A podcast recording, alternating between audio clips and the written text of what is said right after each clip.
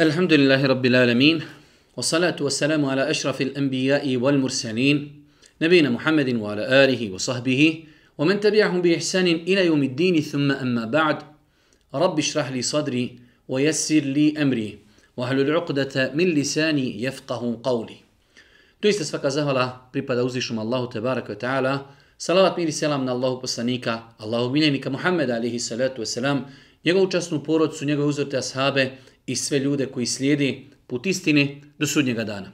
Uvažna braću, poštovani sestre, uvaženi gledatelji, treći dan Ramazana, treća noć u kojoj se družimo sa programom poruke odabranih kuranskih ajeta. Rekli smo da ćemo, ako Bog da, u ovom Ramazanu svake večeri da se družimo sa odabranim ajetima džuza koji odgovara danu u kojem se nalazimo u Ramazanu. Rekli smo da Kur'an ima 30 džuzeva, mjesec Ramazan ima 29 ili 30 dana, pa ćemo se truditi da svaki dan, ako Bog da, u ovom večernjem terminu se družimo sa nekoliko odabranih ajeta iz određenog džuza. Večeras, ako Bog da se družimo sa trećim džuzem, još smo u suri El Bekara i pred kraj našeg predavanja ući ćemo, ako Bog da, i u suru Alu Imranu.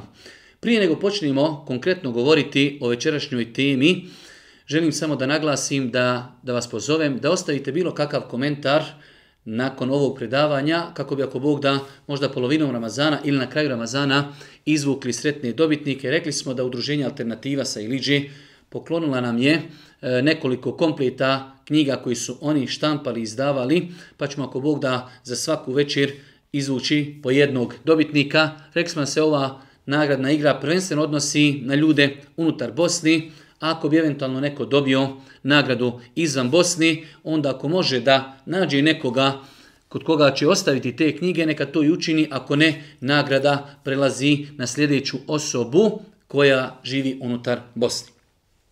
Kao što znate, već dvije noći smo se družili sa surom El Beqara, e, treću veći i treći džuz, ako Bog da, nastavljamo i družimo se sa surom El Beqara. Mi smo kazali da je cilj ovi naših predavanja, braću moje dragi i ciljni sestre, da jednostavno ljudima da ljudima približimo Kur'an. Velik broj ljudi nikada u životu nije otvorio Kur'an. Želimo jednostavno da ljudima kažemo evo o čemu govori Kur'an. Evo kur'anski ajeti, evo šta bi mi trebali da znamo iz Kur'ana.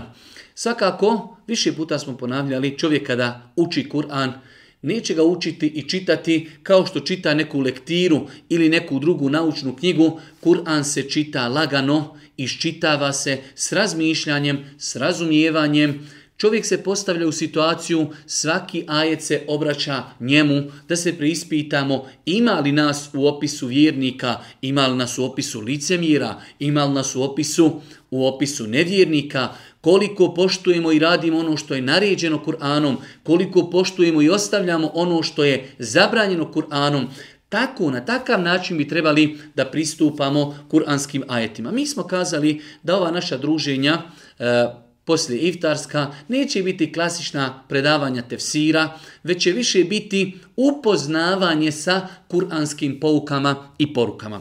Pa, 254. ajet, 255. ajet i 256. ajet, prva stranica u trećem džuzu u suri El Beqara, kaže uzvišeni Allah subhanu wa ta'ala, o vjernici, udjelite dio od onoga čime vas mi darujemo. Prije nego što dođe dan kada neće biti ni otkupa, ni trgovini, ni prijateljstva, ni posredništva, a nevjernici sami sebi čini nepravdu. Uzvišnji Allah subhanahu wa ta'ala u ovom ajetu, kao što vidimo, poziva vjernike da iskoriste svoj život.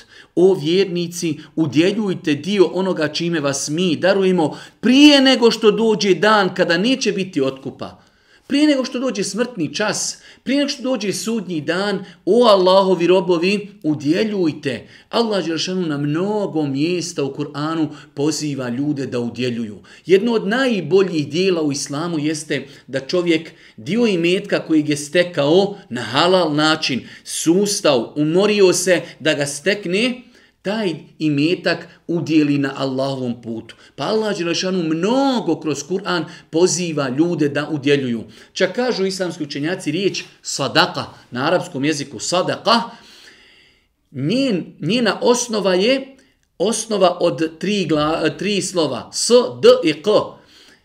Ova opet tri slova čini jednu novu riječ, a to je sidk. Sidk iskrenost. Pa kažu islamski učenjaci, udjeljivanje i metka ukazuje na iskrenost insana. Sadaka sidk. Sadaka, milostinja, ukazuje na iskrenost insana. Nemoguće je da insan udjeljuje ono što je teško stekao, osim ako vjeruje u Allaha, osim ako vjeruje u sudnji dan, osim ako vjeruje da će to naći na sudnjem danu, osim ako vjeruje da će mu Allah subhanahu wa ta'ala to nadoknaditi još na dunjalku prije ahireta. Pa kaže uzvišeni Allah, o vjernici, udjelite dio onoga čime vas mi darujemo. Udjelite dio, Ne morate udjeljivati sav imetak. Pa je to ljepota Islama da traži da udjelimo dio. Čak i zekijat rekli smo 2,5% eh, ne traži se znači od nas da udjelimo sav svoj imetak. Pa kaže uzvišeni Allah prije nego što dođe dan kada neće biti trgovini ni prijateljstva ni posredništva. Na sudnjem danu nema više trgovini, nema više otkupa kada bi čovjek, kao što je došlo u kuranskim ajetima, kada bi imao sve što je na zemlji, planetu, i još jednom toliko da se iskupi od kazni, ne daj Bože, ako bude zaslužio kaznu, ne može se iskupiti kada bi imao cijelu planetu i metka. Pa Allah Đelešanu poziva ljude, udjeljujte prije nego dođe dan kada više otkup nikakav ne važi. Trgovina ništa ne važi. Wala hulletun, Nema više bratski odnos, da te neko može pomoći kao brat, prijatelj, poznanik, rodbina. Ne, ne, ne. Ti stojiš pred svojim gospodarom, pa neće koristiti otkup, niti bratske veze, wala šefa'a, neće koristiti da se neko za nekog zauzima. Osim poslije ćemo govoriti kako i na koji način u islamu postoji vrste zauzimanja. Kaže uzvišeni Allah na kraju, a nevjernici sami sebi čini nepravdu, definitivno nevjernici sami sebi čini nevje, e, nepravdu, ne vjeruju Allaha, nisu pokorni, pa insan kada čini grijehe, čini sebi nepravdu, jer će zbog toga on konkretno biti kažnjen. Nakon toga 255. ajet je ajet El Kursij. Velik broj ljudi nauči ajetul kursi, a ne zna da je to jedan od ajeta iz sure El Beqara. Znači, rekli smo, sura El Beqara je druga sura u Kur'anu, prva je Fatiha, druga je Beqara, ona ima 49 stranica. U 255. ajetu se nalazi ajetul kursi. Kaže uzvišeni Allah subhanu wa ta'ala, Allah je, nema Boga osim njega, živi i vječni. Ne, obu, ne obuzima ga ni drijemežni san, Njegovo je ono što je na nebesima i ono što je na zemlji. Ko se može pred njim zauzimati za nekoga bez dopuštenja njegova? On zna šta je bilo i prije njih i šta će biti poslije njih. A od onoga što on zna, drugi znaju samo onoliko koliko on želi moć njegova, odnosno njegov kursilj, ovo je neispravan prijevod, moć njegova, njegov kursilj obuhvaća i nebesa i zemlju, Njemu ne dojadi održavanje ni zemlje ni nebesa, on je svevišnji i on je veličanstveni. Ovo je prijevod značenja ajetul kursi. Mi smo nedavno prije Ramazana u prostorijama udruženja Šeher na Bistriku imali jedno kompletno predavanje gdje smo se samo družili sa ajetul kursi, znači sa ovim veličanstvenim ajetom. Allah poslanik je rekao u vjerodostojnim hadisima da je ajetul kursi najveličanstveniji ajet u Kur'anu. I ajetul kursi u svojih deset rečenica samo govori o Allahu, opisuje Allaha i govori o njegovoj veličini, pa je to najveličanstveni ajet i zato je dobro da svi naučimo ajetul kursi i da znamo njegovo značenje. Svi oni koji hoće detaljno da slušaju uh, tumačenje ajetul kursi mogu se vratiti na internetu, naći predavanje, komentar ajetul kursije. A mi ćemo ovdje kratko, ako Bog da, pošto rekli smo da ova naša predavanja su samo uzimanje nekih pouka i poruka iz ajeta određeni iz sure El Bekara, pa kaže Allah je, nema Boga osim njega. Allahu la ilaha illahu, na dosta mjesta kroz Kur'an uzvišen je Allah subhanahu wa ta'ala ponavlja ovu frazu Allah je, nema Boga osim njega. Mi muslimani vjerujemo da ne postoji drugo božanstvo koji zaslužuje da mu se robuje osim Allah. Allah je stvorio zemlju i nebesa, stvorio je sve na zemlji i na nebesima, zbog toga ljudi treba da mu samo njemu robuju i badete čini. Allah je nema Boga osim njega, živi i vječni. El hayu, el qayyum, živ, živ neprestano živ. La tahudhu sinetun wala neum. Njega ne obuzima ni drimež, ni san. Apsolutno živ. El kajum, kažu islamski učenjaci, el kajum znači svi su njega potrebni, a on nije potreban nikoga. Svi. I ljudi, i životinje, i džini, i šeitani, i nebesa, i nezemlji, i zemlja. Sve je potrebno Allaha, a Allah je kajum. Kajum nikoga nije potreban. Ne obuzima ga ni drijemež, ni san. Ovo nam daje jednu, jednu ajde da kažemo, korist. Insan, kada je negdje sa ljudima, ili nekada se kamera može ugasiti, ili ga ljudi ne prati, zaspali su, može uraditi neki grijeh da ga ljudi ne vide. Allah Đelešanhu je savršen, potpun. La tahuduhu sinetun, wala neum, njega ne obuzima ni drijemež, a niti san. Što znači, o Allahov robe, pazi dobro, dobro se čuvaj, Allaha ne obuzima ni drijemežnici san.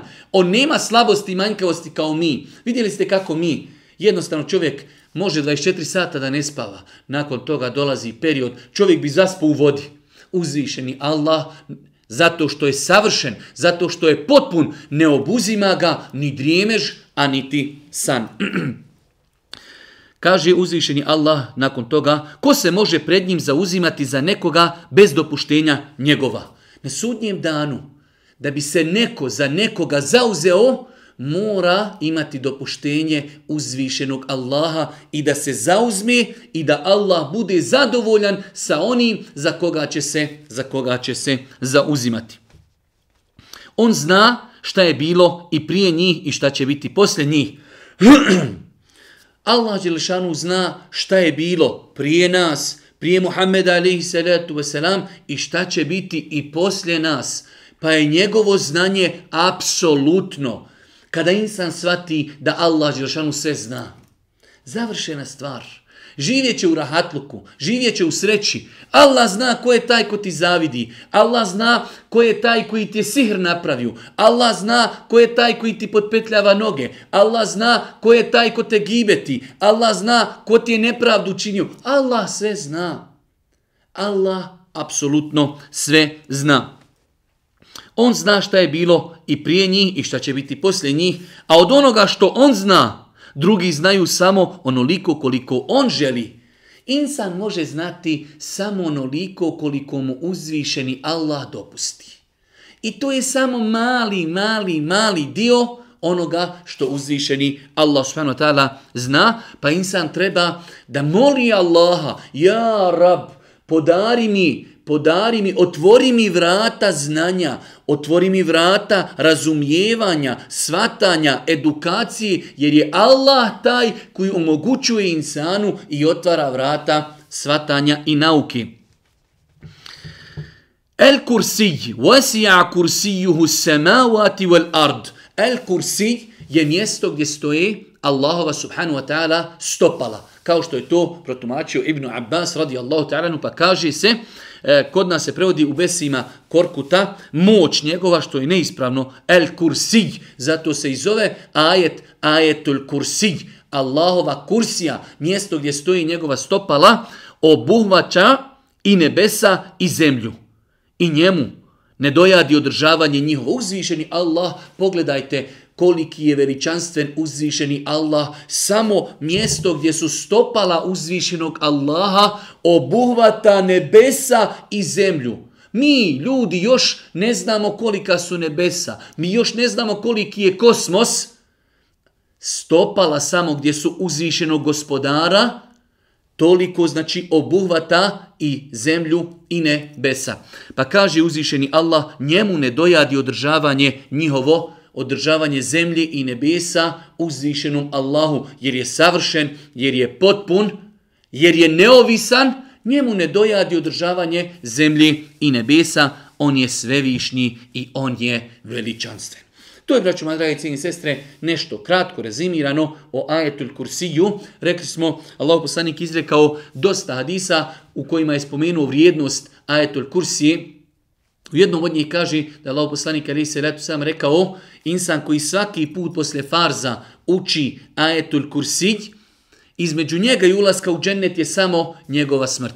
Postoje drugi vjerodostojni hadisi koji ukazuju na vrijednost učenja ajetul kursije, pa je dobro da svi naučimo ajetul kursi i da znači učimo kada je to propisano. Nakon toga 256. E, ajet kursije, jedan veoma bitan ajet kaže uzvišeni Allah la ikrahe fid din kad tebejena ruštu minel gaj, fe men jekfur bit taguti va ju'min billahi, fe kad istemseke bil urvatil vuthqa, lenfi sameleha, vallahu semi'un alim.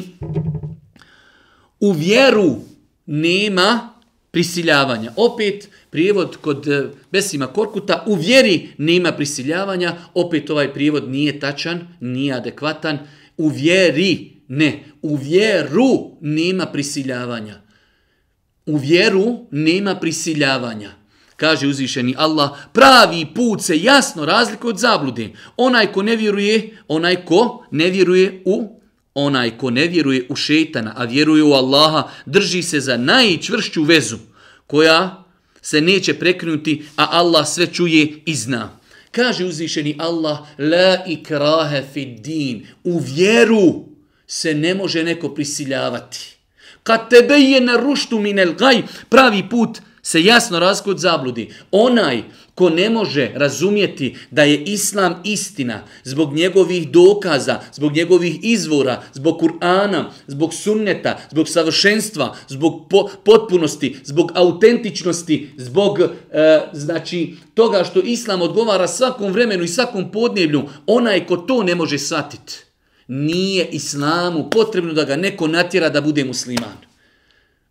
Ovo je mnogo bitno u islamu. Mi se ponosimo. Vi znate kako je kroz historiju bilo pokrštavanje muslimana i tako dalje. Mi muslimani se ponosimo time da ne prisiljavamo ljude da uđu u islam. I kada bi to neko uradio, on je pogriješio. Pogriješio je suprostavio se kuranskom slovu. La ikrahe fid din. Ne treba islamu neko da uđe nasilu u islam. U islam se ulazi iz ubjeđenja.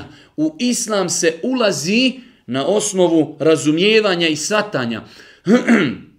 Volau kane min indi gajri Allahi la wajadu fihi ihtilafen kathira da je islam od nekoga drugog i Kur'an, a ne od Allaha, u njemu bi našli mnogo kontradiktornosti. Pa je islam potpun pa je islam savršen. Pa je islam odgovarajući za svako vrijeme i za svako mjesto, za cijelu planetu. Islam nije samo Arapima, islam je za cijelu čovječanstvo. Ona je ko to ne može shvatiti. Neka čita Kur'an, neka čita hadis, neka nam dođe samo sa jednom kontradiktornosti u islamu, Ona ko ne može shvatiti savršenstvo islama, mi nemamo potrebi da ga nasilu silu prisilimo da uđe u islam, kaže ja sam musliman, ali na silu. Nima potrebi, jer je islam toliko jasan. Komi? Objektivnom insanu. Objektivno čovjek sjedne i čita Kur'an, čita sunnet. Znate koliko se desilo ljudi u Evropi, jedan period svog života su bili najveći neprijatelji islamu. Snimali filmove protiv islama, vrijeđali Kur'an, vrijeđali poslanika, psovali, vrije... kada su uzeli iščitavati Kur'an i sunnet, primili islam. To nema nigdje osim u islamu. Kada se ljudi objektivno posvijete izučavanju islama, nemoguće, a da ne sate da islam istina. Zato islam kaže, la ikrahe fid din, nemojte nikoga nasilu u islam. Nemojte nikoga nasilu u islam. Ako ne može shvatiti istinu od neistini, dalalet, zabluda, zabluda, onda takav insan nije potreban, nije potreban islamu. Nakon toga 261., 262., 263. i 4. ajet govori opet o udjeljivanju. Pošto se nalazi u mjesecu Ramazanu, evo mi ćemo malo se posvetiti određenim ajetima koji govori u, u, o udjeljivanju. Rekli smo da udjeljivanje u islamu ima jedno, jedan visoki stepen i mnogo je kuranskih ajeta koji govori o udjeljivanju. Kaže uzvišeni Allah, oni koji imanja svoja troše na Allahom putu, liče na onoga koji posije zrno iz kojeg nikne sedam klasova, a u svakom klasu po stotinu zrna. A Allah će onome ko, ho, ko mi hoće dati više, Allah je neizmjerno dobar i sve zna. Allah Đelšanu uporedi ljude koji udjeljuju imetak sa osobom, znači, odnosno sa zrnom. Primjer onih koji udjeljuju je primjer zrna koji posijemo, iz njega nikne sedam klasova, u svakom klasu stotinu zrna. Sedam stotina puta. Pa braćo, moja draga i cijenije sestre, u nas u islamu kada čovjek uradi dobro dijelo, za dobro dijelo minimalno će biti nagrađen desetorostruko. Allahu ekber. Grijesi se pišu jedan po jedan. Uradi čovjek grije, jedan se upiši. Uradi dobro dijelo, deset. Minimalno. Shodno njegovoj iskrenosti. Shodno znači koliko je iskren, Allah mu daje do 700 puta, a daje i više kom je on hoće. Allahu ekver. Dadneš Marku, ako budeš iskren, u svemu tome možeš kod Allaha imati upisano 700 maraka. Allahu ekber. To nema nigdje osim u islamu. Pa kaže uzvišeni Allah, one koji troši metke svoje na Allahom putu, a onda ono što potroši ne poprate prigovaranjem i uvredama, čeka nagradu gospodara njihova i ničega se oni neće bojati i ni za čim oni neće tugovati. Navodi uzviši Allah s.w.t. jednu veoma bitnu stara, to je insan kada udjeljuje, zabranjeno je, haram, da nakon što je udjeljuje nekome prigovori. Zabranjeno. Vidjet ćemo poslije u ajetu, Allah Žešan kaže La tube tilu sadekatikum. Nemojte pokvarivati svoje sadake tako što ćete prigovarati. Insan u islamu kada daje, daje radi Allaha. Nakon toga više nema pravo da prigovori. Nimaš po... Dao si siromahu, gotovo. Ti si dao radi Allaha. Kod Allaha je upisano. Nimaš više pravo da kažeš, e, ja sam tebi dao. Ne, ne, ne, to je zabranjeno. Haram. Time čovjek može poništiti svoju sadaku. Zato vidite kako je islam savršen i lijep. Dao si nekome, gotovo. To je između tebe i Allaha. To je između tebe i Allaha. Nemaš pravo da prigovaraš. Pa kaže uzvišeni Allah, oni koji troši imetke svoje na lovom putu, a onda ono što potroši ne poprati prigovorom i uvredama, njih čeka nagrada. Znači treba udjeliti i ne smije se to popratiti uvredama i prigovorom. Onaj ko ne prigovori, njega čeka nagrada kod uzvišnog Allaha. Kaže uzvišeni Allah, lijepa riječ i izvinjenje vrijedniji su od sadake i milostinje koju prati vrijeđanje, a Allah nije nijokom je ovisan i blage. U islamu da nekom kažeš lijepu riječ, ljepše je i bolje nego da mu daš sadaku pa da mu to prigovoriš. Lijepa riječ, ako ništa, znači sadaka. Kao što je došlo u vjerodostom hadisu. Ljepše je to nego da dadneš čovjeku nakon toga kažeš, a znaš kada sam ti dao? Sjećaš li se? Ja sam te pomagao. Pa čovjek vjernik treba, ovu nam treba da se odgajamo Kur'anom. Kada dajemo, dajemo radi Allaha, iskreno želeći njegovu, njegovu nagradu, ne želimo da nas neko pohvali. Ne želimo da možemo nekome sutra prigovoriti. Ne, ne, ne, ne želim sa ovom sadakom samo Allahovo zadovoljstvo, pa je u islamu strogo zabranjeno prigovoriti na učinjenom dobrom dijelu. Kaže se na, u četvrtom ovom ajetu, ovjednici, ne kvarite svoje sadake prigovaranjem i uvredama. Nemojte kvariti. U islamu se dobro dijelo, nakon što se učini, može se pokvariti. Može se poništiti. La tu betilu, nemojte batil učiniti svoja dobra djela nakon što ste učinili. Čime? Prigovorom i uvredama. Da čovjeku dođeš i kažeš, ja ti uče je dao, a ti mi danas ovako uzvraćaš ti si meni dao radi Allaha. Svakako, insan kom je data sadaka, treba da se trudi da uzrati insanu koji mu učinio dobro djelo, ali insan koji učinio sadaku, učinio je radi Allaha i nema više pravo da prigovara. Pa kaže, o vjernici, ne kvarite svoje sadake prigovaranjem i uvredama. Kao što to čine oni koji troše imetak svoj da bi se ljudima pokazali, a ne vjeruju ni u Allaha ni u onaj svijet. Nemojte, kaže, biti kao oni koji djeljuju sadaku, pa prigovaraju, a oni to udjeljuju, ne vjeruju Allah, ne vjeruju Ahiret. Vjernik udjeljuje sadaku jer vjeruje da će ga Allah za to nagraditi. Allah će ga čuvati iskušenja. Allah će mu zbog sadake povećati, beričeti blagoslov. Mi zbog toga udjeljujemo, a ne udjeljujemo da bi nas neko pohvalio i da bi nas neko vidio. Pa kaže uzvišeni Allah – Pazite ovdje. Govori onima koji udjeljuju da bi ih ljudi vidjeli. Oni su slični litici sa oskudnom zemljom kada se na nju sruči pljusak pa je ogoni. Oni neće dobiti nikakvu, oni neće dobiti nikakvu nagradu za ono što su radili, a onima koji neće da vjeruju Allah neće ukazati na pravi put. Pogledajte ovdje jedan interesantan primjer. Znači, uzviši Allah svojena tela u Kur'anu na više mjesta određene stvari pojašnjava primjerima. Pa kaže primjer ljudi koji troše i metak da ih drugi ljudi vide je primjer litice na kojoj ima malo zemlji. Pazite, kaže pa padne kiša pa ogoli tu zemlju. Litica na njoj malo zemlje. Dođe čovjek, a pomisli da je to plodna zemlja. Misli da se tu nešto može i posijati. Vidi čovjeka koji udjeljuje, a udjeljuje radi toga da ga ljudi vidi pomisli čovjek o njemu, Allahu ekber kako ovaj udjeljuje. To je ta zemlja, prikriva liticu, dođe pljusak, ogoli liticu. Tako i ljudi na sudnjem danu kada dođu, bit će ogoljeni.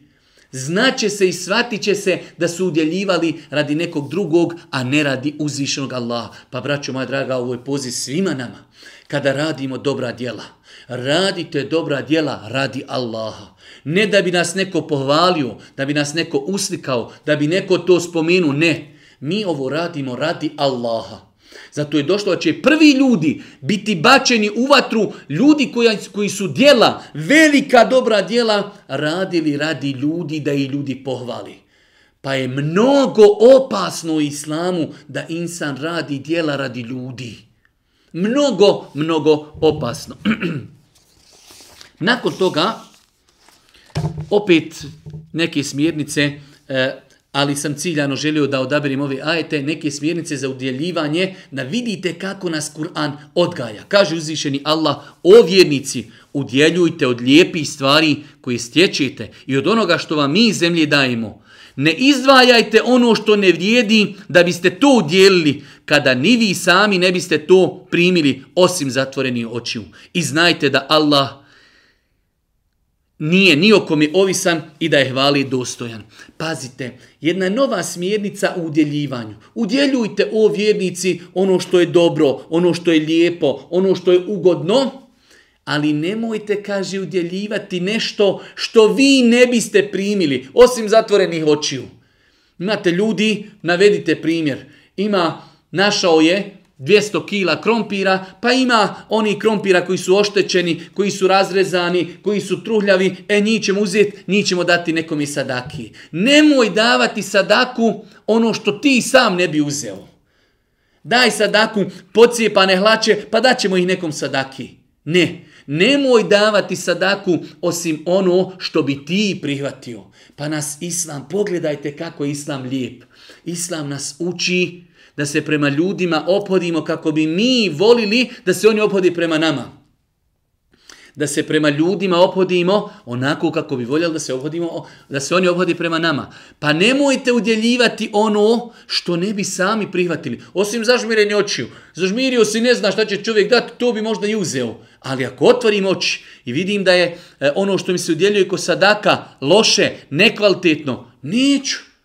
Pa insan treba da se odgoji na osnovu ovih kuranskih ajeta. Kada udjeljujem, udjeljujem ono što je vrijedno, ono što je kvalitetno. Vidjet ćemo poslije u suri e, Ali Imran, Lentana lul birra hatta tunfiqu mimma tuhibun. Vi nećete džennet zaslužiti dok ne budete udjeljivali ono što najviše volite. To je prava sadaka. Imam nešto, sviđa mi se, nešto volim. E, dio toga udjeli. To je prava sadaka, a ne da udjelimo nešto što nam je višak. Ne znamo šta ćemo, smeta nam u stanu, smeta nam u kući, mjesto da ga bacimo, idem nekom i dati. Ne, sadaka se udjeljuje, sadaka se udjeljuje ono što je ispravno, kvalitetno, ono što bi mi prihvatili kada bi nam neko drugi udjeljivao. Kaže uzvišeni Allah subhanahu wa ta'ala, nakon toga, e šeitanu ja'idukumul faqr, Šeitan vas plaši na imaštinu i navraća vas da budete razvratni, a Allah vam obećava oprost i nagradu svoju. Allah je neizmjerno dobar i zna sve. Nakon što uzvišen je Allah poziva ljude da udjeljuju. Zna odakle im dolazi, odakle im dolazi, hajde da kažemo, neprijatelj, pa da oni ne udjeljuju. Šeitan. Šeitan dolazi ljudima i kaže, ne, ne udjeljuj, ako udjeliš postaćeš siromašan. Pa kaže, e šeitanu ja'idu kumul faqr, on nas plaši siromaštvom. Svakako i udjeljivanje ima svoje granice. Neće čovjek dati sve. Ne, ali dio. Mima razaknahum. Dio udjeli. Allah u poslani kaže u rodoštvenom hadisu, svaki dan kada sunce iziđe, spuste se dva meleka. Jedan govori gospodaru, povećaj i nadomjesti onome ko udjeljuje a drugi govori gospodaru, uništi metak onome ko škrtari. Zato, braću moja draga i cijene sestre, najbolji način da čovjek osjeti sreću, zadovoljstvo, uživanje, širokogrudnost, jeste udjeljivanje i metka. U granicama koliko čovjek može, ali treba da čovjek ima pri sebi osobinu i dio svog imetka da udjeljuje na Allahom subhanu wa ta'ala putu. Pa kaže uzvišeni Allah, šetan vas plaši na imaštinom, I on vas poziva na razrat, a Allah vas poziva oprostu. Ako vas je šetan pozvao razratu, Allah će vam oprostiti. Pokajte se, vratite se. Šetan vas plaši i kaže na imaštinu, Allah vas Allah vam obećaje fadl. Allah vam obećava da će vam on nadomjestiti ono što ste udijelili. On će vas nagraditi za to. Pa šetan plaši čovjeka. Ne, ne udjeljuj. Šetan navraća čovjeka na grijehe. Allah obećava čovjeku oprost, Allah obećava da će mu nadomjestiti ono što je, ono što je udjelio. Nakon toga kaže uzvišeni Allah, yu'til hikmete men yasha, 269. ajet, yu'til hikmete men yasha, wa man yu'til hikmete faqad utiya khayran kaseera, wa ma yadhakkaru illa ulul albab. On uzvišeni Allah daruje znanje. Ovdje je došla riječ, došla je riječ u Kur'anu el hikme. Bukvalno prevedena je mudrost. Ali islamski učenjaci, mufesiri, svi skoro su protumačili ovu riječ e, sa mnogim drugim značenjima. Allah kaže daje razumijevanje vjeri, daje mu znanje vjeri, Allah on daruje znanje onome kome on hoće. A onaj kome je znanje darovano, darovano mu je blago neizmjerno. Allahu ekber. Braćo, moje dragi cijeli sestre, ovaj ajet sam namjerno ciljano spomenuo večeras u ovom druženju, yu'til hikmete men yasha. Allah daje znanje, razumijevanje, svatanje kome hoće.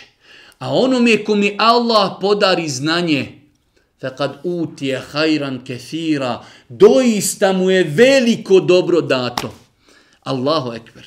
Zato, braću moja draga i cijenije sestre, treba da znamo da je jedna od najvrijednijih stvari koje insan može dobiti znanje edukacija, učenje, kultura, ahlak, edeb, moral, čednost i tako dalje. Pa insan treba da zna šta su istinske vrijednosti. Zapamtite, u ovim teškim vremenima, u vremenu u kojem mi živimo, jedna od najbitnijih stvari koja čovjeku može pomoći da ostane čvrst, da ne posusta, da ne skrini, jeste znanje, naobrazba, edukacija, edukacija prvenstveno mislimo na edukaciju šerijatsku, da čovjek razumije svoju vjeru, a ono što mu je potrebno dunjalu, kada čovjek studira medicinu, da studira informatiku, da studira matematiku, to je nešto što mu je potrebno za dunjaluk. Ali govorimo o šerijatskom znanju, to je jedan od najvećih poklona koji može Allah dati nekom od svojih robova. Zato Allaha molite – da vas poduči propisima vjeri, da vam otvori vrata spoznaji, da vam otvori vrata ljubavi prema znanju. Yu'til hikmete men yasha. Allah daje mudrost i znanje kom je hoće. Wa men yu'til hikmete faqad utiya khairan kathira. A kom je Allah podari znanje po kojem će on raditi i živjeti, dato mu je veliko dobro. Pa braću, moja draga i cijeni sestre, zapamtite, na Dunjaluku jedna od najbitnijih stvari jeste edukacija. Nažalost, nažalost, nažalost, mi živimo u vremenu kada su se ljudi odaljili od vjeri, odaljili se od naobrazbi. Velik broj ljudi ne zna napisati Allah sa dva slova L.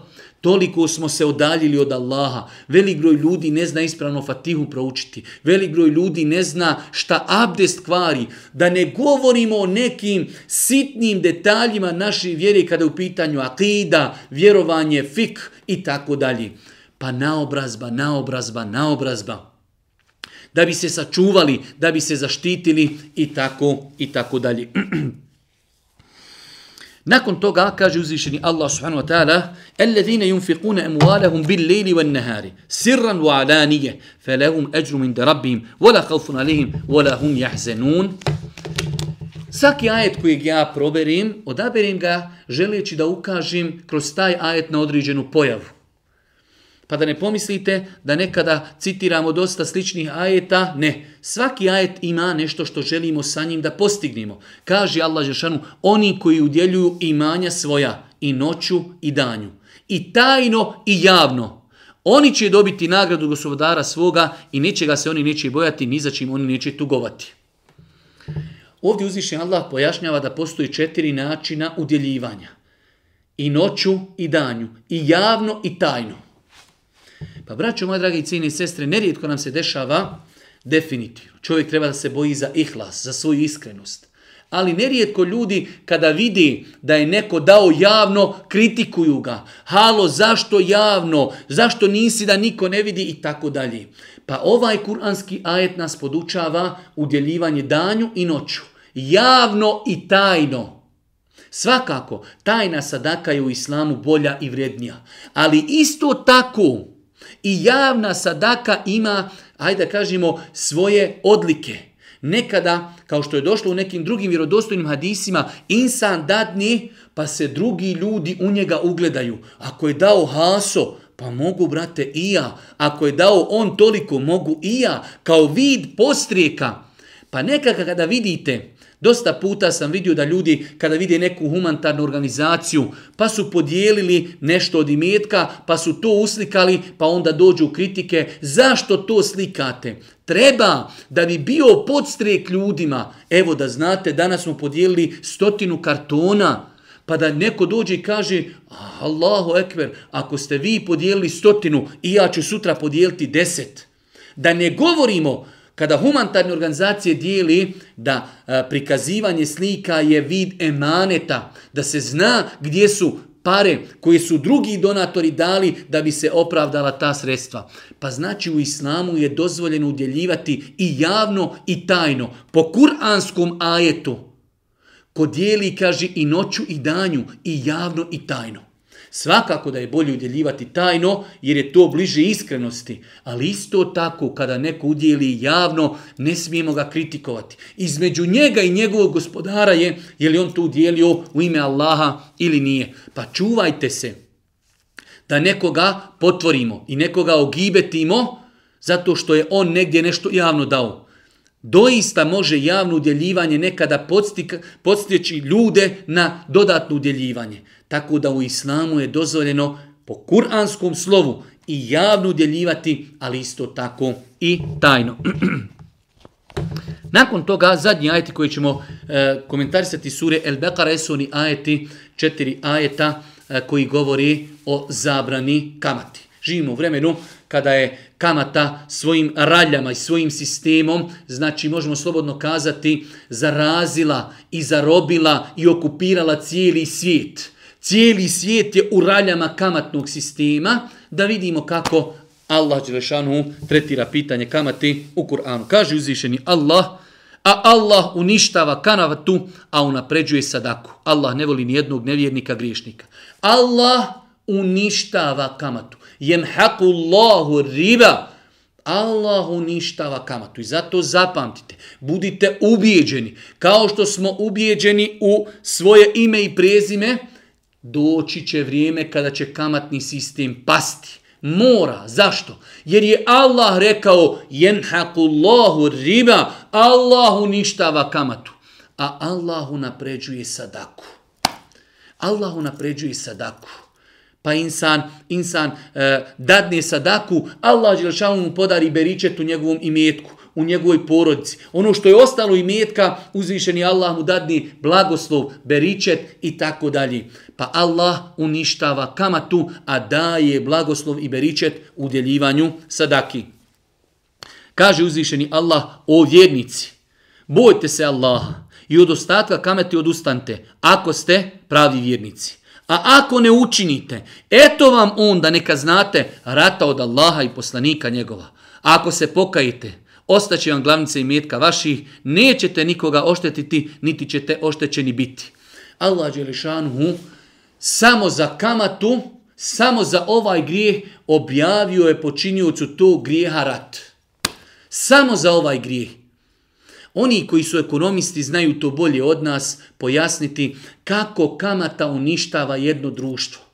Kada banka dadne čovjeku kamatni kredit i kaže evo ti kredit 100.000, vratit ćeš 130.000.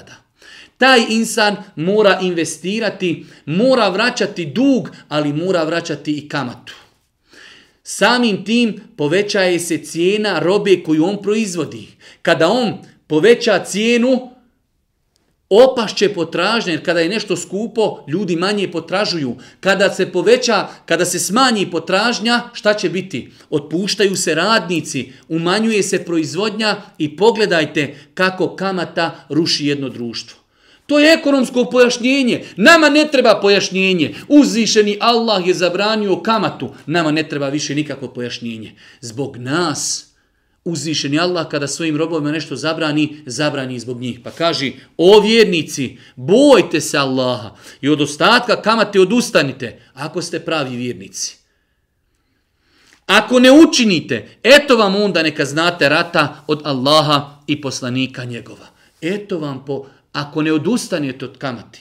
O narode, o čovječanstvo, o ljudski rodu, Allah objavljuje rat od onome ko se bačka i radi sa kamatom. Mi, ove male molekule, pogledajte zemaljsku kuglu gore iz svemira. Zemlja je jedna mala tačkica. Na toj maloj tački ima 6 milijardi tačkica molekula. To smo mi. Nama uzvišeni Allah objavljuje rat ako se budemo bačkali sa kamatom.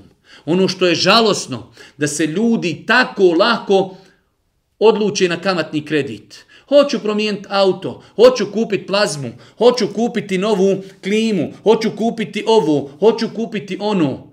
Ne kažem da je ispravno, ali da čovjek uzeo je kamatni kredit, morao je plati operaciju svome djetetu. To je, znači, prisila. Ali čovjek uzima kamatni kredit da bi, hajde da kažemo jednostavno, kupovao neke dodatne stvari. Ljudi uzmeju kamatne kredite da uzmu mobitel, da uzmu auto, da uzmu laptop, da napravi vikendicu, da idu na more i tako dalje. Zapamtite, nema blagoslova, nema beričeta. To Allah uništava sve što je zasnovano kamati i sve što je kupljeno putem kamati. Pa se čuvajte. Jedna od opasnih stvari jeste kada ljudi kažu ja ne uzimam ja kamatu, ali ja sam kama, kamat uzeo od banke kredit, ja njima plaćam, ali ja kada nekome dajem pozajemcu, ja dajem bez kamati. Isto je to. Allahu poslanik alejhi salatu selam kaže i onaj koji uzima i onaj koji daje i onaj koji potpisuje i onaj koji svjedoči sve je to isto pa se čuvajte da na bilo koji način imate dodira sa kamatom i kaže se u 281. ajetu wattaqu yawman turja'un fihi ila Allah thumma tuwaffa kullu nafsin ma kasabat wa hum la yuzlamun I bojte se Allaha kada ćete se svi Allahu i bojte se dana kada ćete se svi Allahu vratiti. Kada će se svakome ono što je zaslužio isplatiti, nikome krivo neće učinjeno biti. Allah Đeršanu kaže, bojte se dana kada ćete se Allahu vratiti. Po nekim učenjacima i po velikom broju učenjaka, ovo je posljednji ajet sa nebesa objavljen Muhammedu alihi sallam po velikom broju učenjaka, ovaj ajet je posljednji ajet, pečat Kur'anu. Bojte se ljudi dana kada ćete se Allahu vratiti. Wattaqu yawman turja'un fihi ila Allah. Thumma tuwaffa kullu nafsin ma kasabat. Svakom insanu će biti isplaćeno ono što je radio. Radio dobro, ko bude radio trun dobra, vidjeće ga. Ko bude uradio trun zla, vidjeće ga. Onaj koji je klanjao, naći će svoj namaz. Onaj koji je davao sadaku, naći će svoju sadaku. Onaj koji je postio, naći će svoju sada, svoj post. Onaj koji je išao u birtiju, naći će to. Koji je išao u kladioncu, naći će to. Onaj koji je krao, naći će. Onaj koji je činio zulum, naći će. Thumme tu wafa kullu nefsin ma kesebet. Svi će ljudi naći i bit će im isplaćeno ono što su radili. Ko bude radio dobro, naći će dobro. Ko bude radio zlo, naći će zlo. Trun. Trun. Ko uradi trun dobra, vidjet će ga. Ko uradi trun zla, vidjet će ga. Pa braću moje drage i cijene sestre, ovaj aje treba ga, što bi rekao, svakim danom čitati. Da nam on bude moto, da nam on daje satisfakciju kako ćemo živjeti na Dunjaluku. I bojte se dana kada ćete se svi Allahu vratiti kada će se svakome ono što je zaslužio isplatiti, nikome krivo neće učinjeno biti. Ne bojte se. Došlo u Kur'anu, tog dana ćemo postaviti precizne Terezije, koje vagaju prašku. Vidjeli ste kod Zlatara. Na sudnjem danu se donose Terezije, kada se na nju stavi trun, najsitniji trun, ona vaga pa se insan treba čuvati, treba se paziti, treba se bojati, svjestan činjenci da ćemo otići, da ćemo otići sa Dunjaluka. Nakon toga mi prelazimo u suru Alu Imran, druga sura, odnosno treća sura u Kur'anu. Rekli smo da je Allah poslanik e, u vjerodostojnim hadisima spomenuo da e, sura Bekara i Alu Imran imaju posebnu vrijednost da je rekao učite Zehrawaini, dvije sure, Alu, Imran i Bekaru, one će doći kao veliko jato ptica i zauzimat će se za svoga sahibiju na sudnjem danu. Pa sura Alu, Imran i Bekara imaju posebne znači vrijednosti njihovo izučavanje njihovo studiranje mi ćemo evo do kraja predavanja još nekoliko samo ajeta uzeti iz sure Alu Imran kaže uzvišeni Allah subhanahu wa taala odma na početku sure Alu Imran inna Allaha la yakhfa alayhi shay'un fil ard wala fis sama Allahu ništa nije tajno ni na zemlji ni na ni na nebesima ajeti koji nas odgajaju Hoćeš prevariti, hoćeš slagati, hoćeš zakinuti, hoćeš nepravdu učiniti. Allahu ništa tajno nije. Inna Allah la jahfa alihi. Njemu ništa nije tajno. Da čovjek zakine insana za deset feningi. Allah to zna. Ništa mu tajno, ništa mu tajno nije. U osmom ajetu sura Alim Imran stoji Rabbena, la tuzik kulubena vada idh hedejtena, vohebljena mille dunke rahme, inne kentel vahab, gospodaru naš, ne dopusti srcima našim da skrenu, kada si nam već na pravi put ukazao i darunaj svoju milost, ti u istinu, ti si u istinu onaj koji mnogo daruje. Jedna veoma lijepa kuranska dova, jer imate određene ajete koji njihovo značenje je dova, pa insan treba da se poduči kuranskim dovama, jer su to najbolje dove. Pa jedna od tih dova jeste Rabbena, la tuzik kulubena, ba'da idhedejtena. Gospodaru, ne dopusti da naša srca odu u dalalet i zabludu nakon što su im ti ukazao na pravi put. Imate dosta ljudi, godinu, dvije, tri, počne redovno klanjati. Žena nosi mahramu, e, posti, čovjek i pridržaje se vjeri. I nakon toga posusta i kreni putem dalaleta i zabludi. Ta za, dalalet i zabluda, to je najgora zabluda. Pa insan treba da moli Allaha, pogotovo u teškim vremenima, vremenima medija, vremenima grijeha, vremenima nemorala, vremenima grijeha na svakom koraku, veoma je teško opstati. Allahov poslanik je mnogo, mnogo često dovio uzvišenom Allahu, يا مقلب القلوب والأبصار ثبت قلبي على دينك O ti koji prevrćeš srca ljudi, učvrsti moje srce na putu istini, u tvojoj vjeri. Nama je danas mnogo potrebno da se srcima vezujemo za Allaha, da od njega molimo, Rabbena, la tuzik kulubena, o gospodaru, ne dozvoli da naša srca odu u dalaleti zabludu, nakon što su spoznala istinu. Pa vraću moja draga, naučimo ove kuranske, e, kuranske dove, molimo Allaha ovim kuranskim dovama da učvrsti naša srca na putu istine. Gospodaru naš, ne dopusti srcima našim da skrenu kada si nam već na pravi put ukazao i daruj nam svoju milost. Ti si u istin onaj koji mnogo, ti si onaj koji mnogo daruje. Nakon toga, Nakon toga 14. i 15. ajet u suri u suri Alu Imran kaže uzvišeni Allah ljudima se čini da je lijepo samo ono za čime žudi žene i sinovi gomile zlata i srebra divni konji stoka i usjevi to su blagodati u životu na ovom svijetu a najljepše mjesto povratka je u Allaha reci hoćete li da vam kažem šta je bolje od toga oni koji se budu Allaha bojali i grijeha klonili, imat će u gospodara svoga džennetske baše, kroz koje će rijeke će teći i u njima će vječno boraviti i čiste će žene imati i u Allahovu naklonost. I Allahovu naklonost, a Allah pozna i robove svoje. Pogledajte kako ovdje ova dva ajeta Allah Đinašanuhu pojašnjava dvije činjenice. Stvari za kojima ljudi na Dunjaluku trči, pa kaže, Ljudima se čini da je lijepo samo ono za čime žude, žene. Ljudi hoće da imaju žena, sinovi, djeca, potomstvo, gomilanje zlata i srebra, divni konji, stoka, usjevi. Zatim se ljudi natječu se u tome. Tome su se posvetili. U redu. Mi smo dosta puta rekli, nije sporno da čovjek ima dunjaluk, ali je bitno da ga na halal način stiče i da ga ne odvede od Allaha i njegovih propisa. Može čovjek biti milionir, da zarađuje na halal način i da ispunjava obaveze islama, nek bude milionir, nek bude milijardir, treba nam, treba da nam pomogni. Ali pogledajte, ne smije čovjek dozvoliti da ga to odvede od Allaha. Pa kaže uzvišeni Allah, reci, hoćete li da vam kažem šta je bolje od toga? Hoćete li da vam kažemo šta je bolje od toga?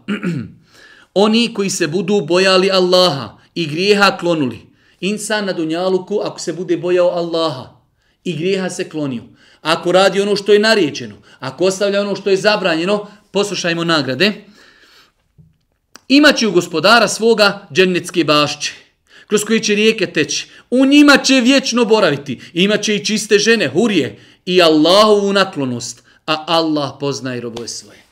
Insan treba da zna na dunjaluku bez obzira koliko zaradio, koliko stekao, sve će to biti i proći. Svi ćemo mi u kabur otići. Niko ništa od dunjaluka neće ponijeti. Ponijećemo sa sobom dva deftera u kojima su zapisana naša dobra i loša djela. Pa je najveći gubitnik insan koji proda vječni ahiret za prolazni dunjaluk. Sve će biti i proći. I onaj najveći bogataš, milijardir, će umrijeti. Kao najveći bjednik i on će umrijeti. Ali dolazi vječni ahiret. Kaže, imaće dženecke bašte u kojima će vječno ostati. Allahu ekber. Dženecke bašte kroz koje će rijeke teći.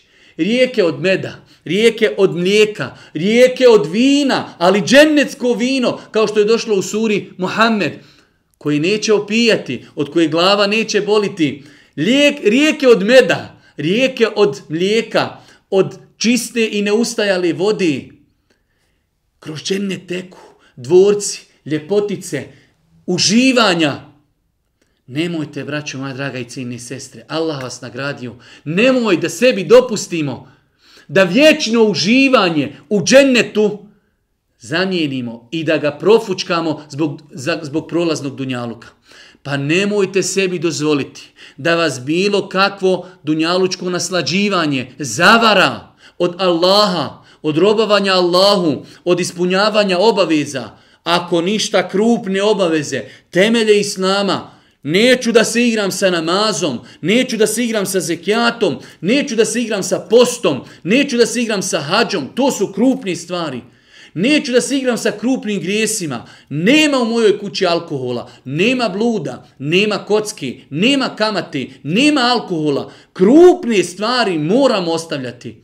Sitni grijesi ili sitnije blaže naredbe, molite Allaha Đelešanu da insana učvrsti, da ga osnaži, da mu oprosti, ali krupne stvari ne smijemo imati kompromisa kada su u pitanju krupne stvari. Pa kaže uzvišeni Allah, reci. Hoćete li da vam kažem šta je bolje od toga za čim vi trčite na dunjaluku? Oni koji se budu Allaha bojali i grijeha klonuli, imaći kod gospodara svoga džennetske bašte, kroz koji će rijeke teći, u njima će vječno boraviti, imaće i čiste žene i imaće zadovoljstvo i naklonost svoga gospodara. Pa braću moja draga i ciljni sestre, nemoj da dopustimo i da dozvolimo da izgubimo vječni ahiret zbog prolaznog dunjaluka. Evo samo još e, još samo e, dva ili tri ajeta kratko. U 19. ajetu kaže uzvišeni Allah inne dine inda Allahi el islam. 19. ajet u suri Alu Imran kaže uzvišeni Allah Allahu je prava vjera jedino islam. Allahu je prava vjera jedino islam. Allah subhanahu wa ta'ala je poslao Muhammeda alihi salatu wasalam kao pečat svim poslanicima. Njegova poslanica, Kur'an, derogirala je prethodne objave. Allah poslanik alihi salatu wasalam je kazao u redostornom hadisu neće, kaže, čuti za mene, za Muhammeda alihi salam, niti jedan kršćanin, niti jedan židov i ne povjerovati u mene, a da neće biti vječni stanovnik džehennema. Znači, dolaskom Muhammeda alihi salatu wasalam, derogirane su, izbačene su sve prethodne poslanice koje su sve opet od uzvišenog Allaha. Muhammed alihi salatu se nam je pečat svih poslanika. Svi prethodni poslanici su slati samo određenim narodima. Muhammed alihi selam je poslan cijelom čovječanstvu. I Australiji, i Americi, i Aziji, i Evropi, svima je poslan Muhammed alihi salatu wasalam. Inne dine, inda Allahi, el Islam. Kada ljudi kažu, ma sve su vjere ispravne, ne. Ovo je netačna konstatacija. Ljudi imaju pravo, Allah im je ostavio slobodu izbora da budu šta hoće, ali je neispravno reći sve vjere su ispravne. Ne. Inne dine inda Allahil Islam, jedina vjera kod Allaha priznata po kuranskom slovu, Nakon slanja Muhammeda alihi salatu selam nikakva se više vjera kod Allaha ne prima osim Islam. Zato je došlo, Allah poslanik Ali se ratu selam kaže, imaće tri vrste naroda će imati duplu nagradu. Jedna od tih vrsta jeste insan koji se rodi i bude u nekoj drugoj vjeri, bude ehlul kitabije, bude kršćanin, bude židov, tako odraste, pa kada čuje za Muhammeda Ali selam čuje islam, primi islam, on će imati duplu nagradu. Imaće duplu nagradu. Pa znači, inne dine, inda Allahi, el islam, jedina priznata vjera kod Allaha. Mi na Dunjaluku ne govorimo. Govorimo kod Allaha po kuranskom slovu jedina ispravna vjera. Nakon slanja Muhammeda alihi salatu wasalam, nakon njegovog dolaska jeste, jeste islam. I posljednji ajet kojeg ćemo evo tefsiriti, iako E, bilo je još neki ajeta koji smo odabrali, kaže uzvišeni Allah subhanahu wa ta'ala u 31. i 32. ajetu suri Alu Imran, Kul in kuntum tuhibbuna Allahe fattabi'uni yuhbibkumullah yuhbibkumullahu wa yagfir lekum ذنوبكم والله غفور رحيم قل اطيعوا الله والرسول فان تولوا فان الله لا يحب الكافرين رتسي اكو الله volite mene slijedite. I vas će Allah voljeti i grijeh vam prositi, a Allah prašta i stamilostane. Kažu neki islamski učenjaci da je ovo ajet, ajet izazova. Kaže uzvišeni Allah, reci, Muhammede, Muhammede ti reci čovječanstvu i svojim sljedbenicima. Ako Allaha volite, mene slijedite, Muhammed ali i selam, pa će i vas Allah zavoliti. Allahu ekber, reci o Muhammede, Kul, in kuntum tuhibbun Allah. Ako vi volite Allaha, mi svi tvrdimo volimo Allaha, onda slijedite Muhammeda, alihi senam, pa će vas zavoliti uzvišeni Allah. Vi volite Allaha, to tvrdite, ok, evo iskušenje, evo ispit. Slijedite Muhammeda, alihi salatu wasalam. Ako vi budete slijedili Muhammeda, alihi salatu wasalam, Zavolit će vas Allah. Reci, ako Allaha volite, mene slijedite i vas će Allah voljeti i grijehe vam oprostiti. Ne samo da će vas Allah zavoljeti i grijehe vam oprostiti. Zato, braćo moja draga, ovo je ajet izazova. Trebamo se podučiti kroz Buhariju, kroz muslima, kroz knjige koji govori o poslaniku, kako je živio, kako se ponašao Muhammed alihi selam da bi ga mogli slijediti. Reci, ako Allaha volite, mene slijedite. Kako slijediti Muhammed alihi selam ako ne znamo njegove hadise? Pa će vas Allah zavoljeti i grijehe vam, i grijehe vam oprostiti.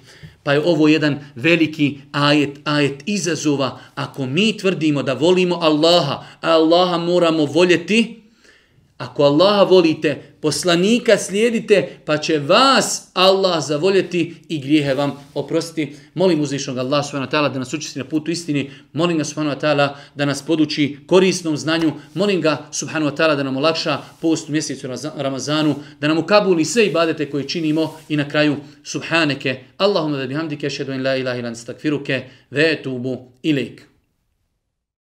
Oh, oh, oh.